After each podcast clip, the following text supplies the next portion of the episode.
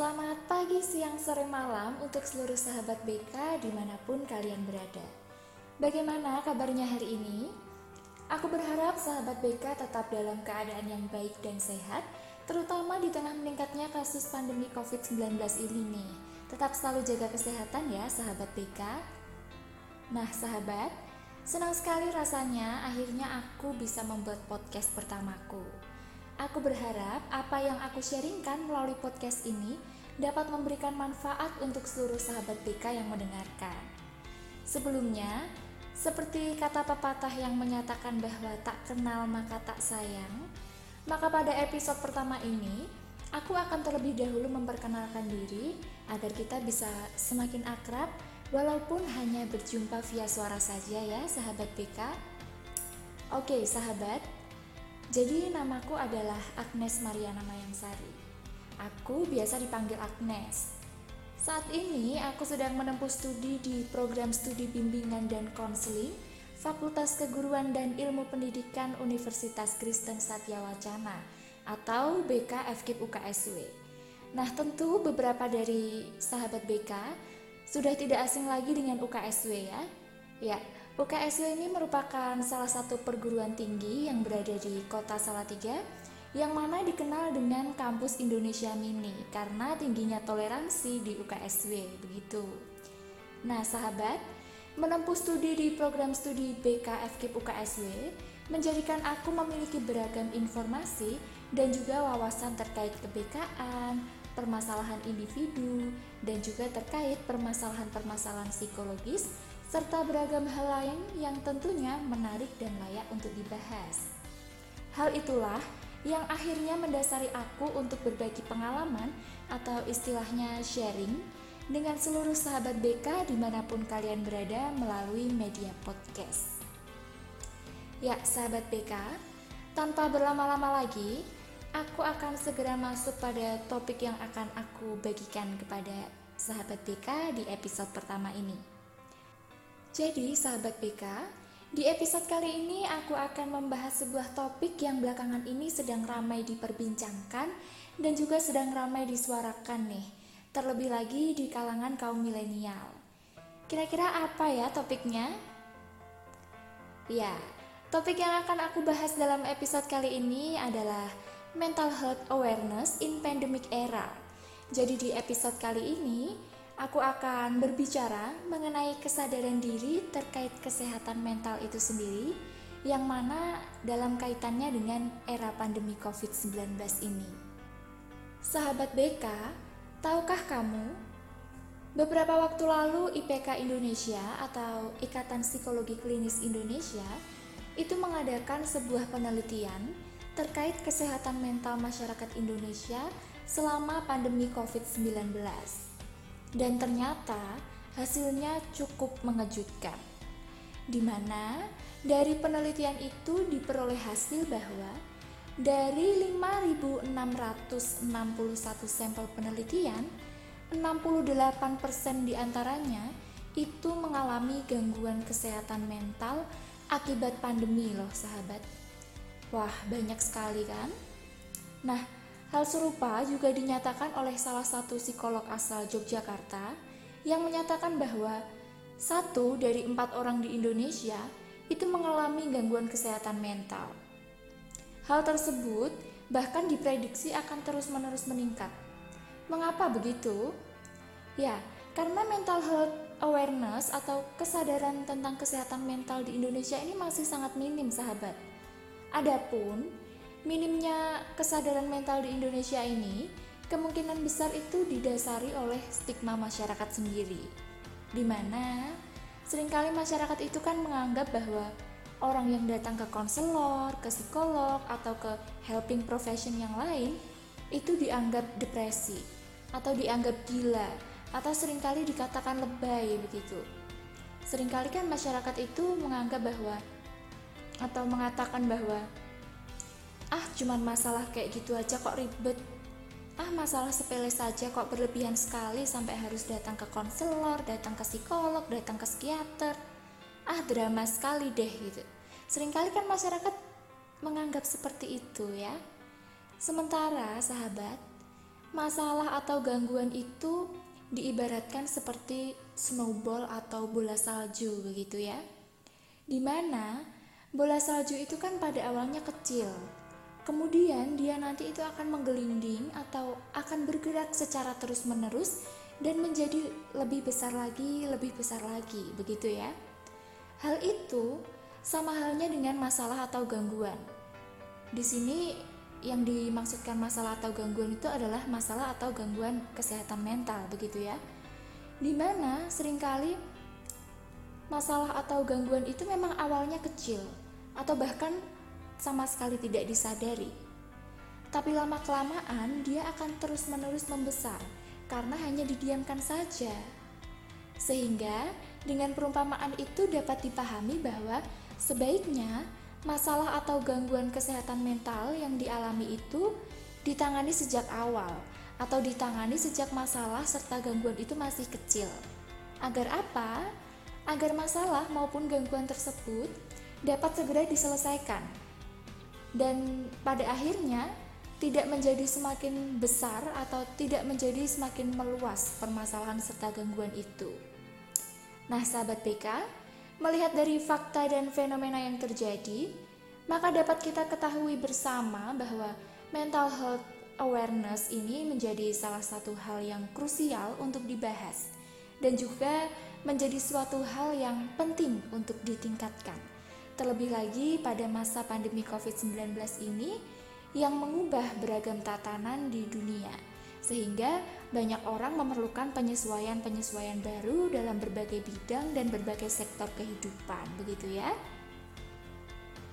Sahabat BK, berbicara mengenai mental health awareness dalam masa pandemi ini, sebelumnya perlu terlebih dahulu kita pahami nih mengenai apa sih mental health itu. Jadi, WHO sendiri pada tahun 2007 itu mengartikan kesehatan mental sebagai suatu kondisi kesejahteraan jasmaniah, jiwani, dan sosial yang bulat utuh, bukannya sekedar tiadanya sakit atau penyakit.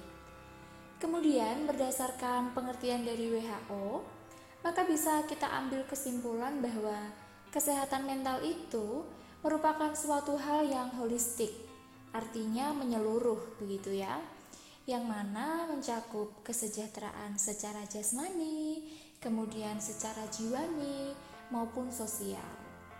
Nah, sahabat BK, seperti yang kita ketahui bersama, di era pandemi ini mayoritas masyarakat itu justru lebih konsen pada kesehatan jasmani saja. Seperti misalnya menjaga imunitas dengan berjemur, kemudian minum vitamin, mematuhi protokol kesehatan, dan sebagainya. Namun, masyarakat sering kali justru lupa bahwa kesehatan jiwa itu juga perlu untuk diperhatikan. Sebab, seperti yang dikatakan sebelumnya bahwa kesehatan itu holistik, sehingga diperlukan porsi yang sama untuk setiap bagian, baik jasmani, jiwani, maupun sosial. Nah, mungkin pada saat ini masyarakat itu belum memberikan porsi yang sama atas kesehatan mental. Karena kan biasanya masyarakat itu belum menyadari bahwa dirinya itu membutuhkan atau istilahnya masyarakat itu belum menyadari bahwa mungkin atau sebenarnya dirinya itu mengalami gangguan kesehatan mental.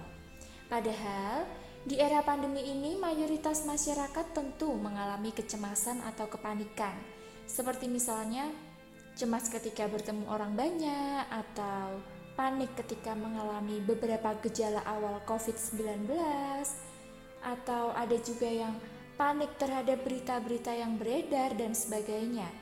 Nah, masyarakat mungkin menganggap enteng hal-hal terkait kecemasan dan kepanikan. Sementara Kecemasan dan kepanikan sendiri itu sebenarnya merupakan salah satu jenis atau bagian dari gangguan kesehatan mental itu sendiri. Nah, sahabat BK, agar kita lebih aware terhadap kesehatan mental, aku mau mengupas beberapa jenis atau beberapa bagian dari gangguan kesehatan mental itu sendiri. Kira-kira apa saja ya? Mari kita lihat bersama ya, sahabat. Sebenarnya, Gangguan kesehatan mental itu banyak sekali jenisnya dan banyak sekali bentuknya. Yang pertama itu ada anxiety disorder. Nah, anxiety disorder ini mencakup panic disorder, kemudian juga ada obsessive compulsive disorder, dan yang terakhir itu ada fobia. Nah, anxiety atau kecemasan ini kemungkinan menjadi salah satu yang paling sering dialami oleh individu di masa pandemi ini. Seperti misalnya terlalu cemas karena takut terpapar COVID, kemudian kepanikan yang berlebihan setelah mendengar berita atau informasi terkait COVID-19. Kemudian ada juga yang panik jika bertemu orang banyak atau mungkin istilahnya paranoid begitu ya. Dan tentunya masih banyak lagi kecemasan yang timbul akibat pandemi COVID-19 ini. Nah, apakah sahabat BK mengalami salah satu di antara beberapa kecemasan yang timbul akibat pandemi COVID-19 ini? Kemudian yang kedua itu ada depression, bipolar disorder, dan mood disorder. Depresi itu menjadi salah satu hal yang ditimbulkan karena adanya kecemasan yang berlebihan. Pada umumnya, Depresi ini terjadi saat masa depan itu tidak bisa terprediksi. Sementara di masa pandemi COVID-19 ini kan membuat kita itu harus menjalani hidup dengan segala ketidakpastian tentang masa depan ya sahabat BK. Sehingga kemungkinan hal inilah yang akhirnya memicu terjadinya depresi dalam diri seorang individu. Gangguan mood itu juga cukup umum dialami di masa pandemi ini yang kemungkinan besar itu disebabkan oleh rasa bosan atau jenuh. Misalnya, bosan tinggal di rumah selama masa PPKM. Selama dua minggu full berada di rumah kan tentu bosan ya. Aku sendiri pun juga merasakan hal yang sama kok sahabat BK. Seringkali aku merasa bosan ketika ada di rumah, terlebih lagi saat PPKM dua minggu berada di rumah itu cukup membosankan. Dan sering kali hal itu menjadi pemicu terjadinya perubahan mood yang cukup drastis dalam diriku. Begitu. Kalau aku mengalami mood disorder juga sih salah satunya. Selanjutnya, yang ketiga itu ada eating disorder atau gangguan makan. Nah, gangguan makan ini mencakup emosi, kemudian sikap, dan juga perilaku ekstrim yang mana melibatkan berat badan serta makanan. Gangguan makan ini dapat berupa asupan makan yang tidak mencukupi atau justru asupan makannya itu berlebihan yang mana akhirnya dapat merusak kesejahteraan individu itu sendiri. Beberapa bentuk gangguan makan yang paling umum itu ada tiga ya. Yang pertama itu ada binge eating disorder. Kemudian yang kedua itu ada anorexia nervosa. Dan yang ketiga itu ada bulimia nervosa.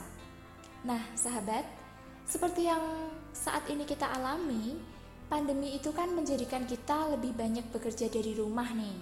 Dan tentunya karena pandemi ini, kita juga menjadi lebih banyak bekerja dengan sistem online. Situasi ini pada akhirnya menjadikan kita kan bersahabat dengan internet, lebih dekat juga dengan media sosial. Yang mana kita mengetahui bersama bahwa media sosial itu merupakan salah satu sumber terbesar dari insecurity.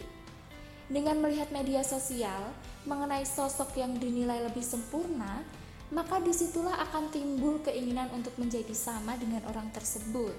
Seperti misalnya, ketika melihat postingan foto di Instagram, kemudian dalam hati berkomentar, "Wah, si A ini badannya bagus sekali, dia itu kurus, badannya bagus, begitu ya. Kemudian dari hal itu akan muncul keinginan dalam diri untuk menjadi serupa. Serupa dengan orang yang diidolakan. Misalnya, dengan mengurangi porsi makan, kemudian bahkan ada juga yang tidak makan, atau ada juga yang lebih parah lagi itu adalah memuntahkan makanan yang sudah dimakan. Nah, Hal-hal tersebut itu merupakan bentuk dari anoreksia nervosa, sahabat. Jadi sahabat perlu berhati-hati ya. Kemudian, kebalikan dari anoreksia nervosa. itu ada yang namanya binge eating disorder, kebalikannya. Nah, di masa pandemi ini mungkin kan ada yang nafsu makannya itu justru meningkat berkali-kali lipat. Ya gimana tidak meningkat gitu kan? Karena di rumah saja, maka kan otomatis aktivitas yang dilakukan pun menjadi terbatas. Sehingga hal yang dilakukan itu mungkin hanya berkisar di antara makan, kemudian tidur, nyemil, dan lain sebagainya. Nah, makan serta ngemil yang berlebihan dan tidak terkontrol itu merupakan bentuk dari eating disorder, yaitu binge eating disorder, di mana keinginan untuk makan atau keinginan untuk terus-menerus mengkonsumsi makanan secara berlebihan dan tidak bisa terkontrol. Lalu yang keempat itu ada personality disorder. Nah, pandemi COVID-19 itu mengharuskan kita untuk melakukan social distancing, begitu ya. Hal ini pada akhirnya itu akan sedikit banyak berpengaruh pada kehidupan sosial kita secara nyata atau kehidupan sosial kita dalam dunia nyata. Seseorang dengan gangguan kepribadian itu biasanya akan mengalami kesulitan dalam memahami dan berhubungan dengan situasi bersama individu yang lainnya. Hal ini menyebabkan masalah dan keterbatasan yang signifikan dalam hubungan, kemudian dalam aktivitas sosial, ataupun dalam pekerjaan dan dalam sekolah maupun perkuliahannya. Kemudian yang kelima itu ada post traumatic stress disorder atau PTSD. Nah, gangguan stres pasca trauma alias PTSD ini merupakan salah satu jenis gangguan mental yang mengikuti peristiwa traumatis atau menakutkan di masa lampau. Kemudian yang terakhir itu ada psychotic disorder yang mana di dalamnya itu mencakup skizofrenia.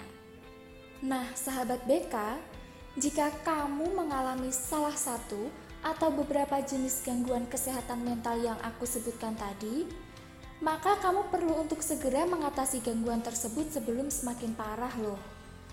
Aku akan membagikan beberapa cara yang bisa sahabat BK lakukan untuk mengatasi gangguan kesehatan mental nih. Yang pertama, itu adalah dengan tetap beraktivitas. Di tengah pandemi, memang disarankan untuk melakukan physical distancing, alias jaga jarak dan juga menghindari keluar dari rumah jika memang tidak diperlukan. Namun, hal itu bukan berarti kamu juga harus membatasi atau malah tidak beraktivitas fisik sama sekali nih sahabat. Agar kesehatan mental tetap terjaga, cobalah untuk melakukan olahraga ringan di rumah seperti lari kecil atau lompat-lompat di tempat begitu. Nah, dengan melakukan aktivitas fisik ini bisa membantu tubuh untuk memproduksi hormon endorfin. Hormon endorfin ini merupakan hormon yang bisa membantu untuk meredakan stres bisa juga untuk memperbaiki mood, terus bisa juga untuk mengurangi rasa khawatir, begitu. Selain itu, sahabat BK juga bisa melakukan latihan peregangan dan juga pernafasan. Hal itu dipercaya bisa mencegah terjadinya stres. Kemudian sahabat, cara yang kedua itu adalah dengan ubah gaya hidup. Mengubah gaya hidup serta menghentikan kebiasaan buruk itu bisa dilakukan sebagai langkah awal untuk menjaga kesehatan mental loh. Cobalah untuk berhenti merokok, kemudian menghindari konsumsi alkohol, dan juga hindarilah begadang. Karena hal-hal tersebut pada kenyataannya bisa memicu terjadinya gangguan mood, yang mana akan membuat seseorang itu mudah mengalami kecemasan. Sebagai gantinya, kamu bisa melakukan hobi atau aktivitas yang menyenangkan selama di rumah, seperti misalnya membaca buku, menonton film, memasak, berkebun, dan sebagainya. Selanjutnya, cara ketiga yang bisa sahabat BK lakukan adalah dengan bijak memilih informasi. Nah, sahabat BK, seperti yang kita ketahui bersama, bahwa pandemi COVID-19 ini kan belum berakhir ya dan sejumlah media maupun media sosial begitu itu masih berlomba-lomba untuk memberitakan terkait pandemi COVID-19 ini. Masih terus-menerus melakukan update informasi. Nah, agar kondisi kesehatan mental tidak terlalu terpengaruh, pastikanlah untuk lebih bijak dalam memilih informasi, terutama informasi yang berkaitan dengan COVID-19. Batasilah waktu untuk menonton, waktu untuk membaca, dan juga untuk mendengarkan berita-berita terkait pandemi, baik dari televisi, dari media cetak, maupun dari media sosial. Sehingga dengan hal itu, maka sahabat BK akan dapat terhindar dari rasa cemas yang berlebihan karena berita-berita yang beredar terkait pandemi COVID-19. Cara selanjutnya yang bisa sahabat BK lakukan adalah dengan menghubungi profesional. Apabila sahabat BK merasa tidak mampu untuk menangani gangguan atau permasalahan yang sahabat BK alami, maka sahabat BK perlu untuk meminta bantuan kepada pihak-pihak profesional nih seperti misalnya konselor, psikolog, maupun psikiater. Saat ini, layanan konsultasi terkait kesehatan mental itu sudah tersedia juga di berbagai aplikasi kesehatan. Jadi, sahabat BK tidak perlu malu dan juga tidak perlu jauh-jauh untuk memperoleh bantuan. Cukup buka ponsel saja untuk bisa menerima bantuan dari pihak profesional. Nah, sahabat BK, tidak terasa sudah cukup panjang pembahasan kita pada episode kali ini nih. Dari segala informasi yang aku bagikan kepada sahabat BK, aku berharap sahabat BK bisa selalu meningkatkan mental health awareness terlebih lagi di situasi pandemi saat ini. Semangat selalu sahabat, jangan lupa untuk terus bagikan informasi terkait mental health awareness bagi orang-orang di sekitarmu. Sampai jumpa di episode selanjutnya. Salam sahabat PK.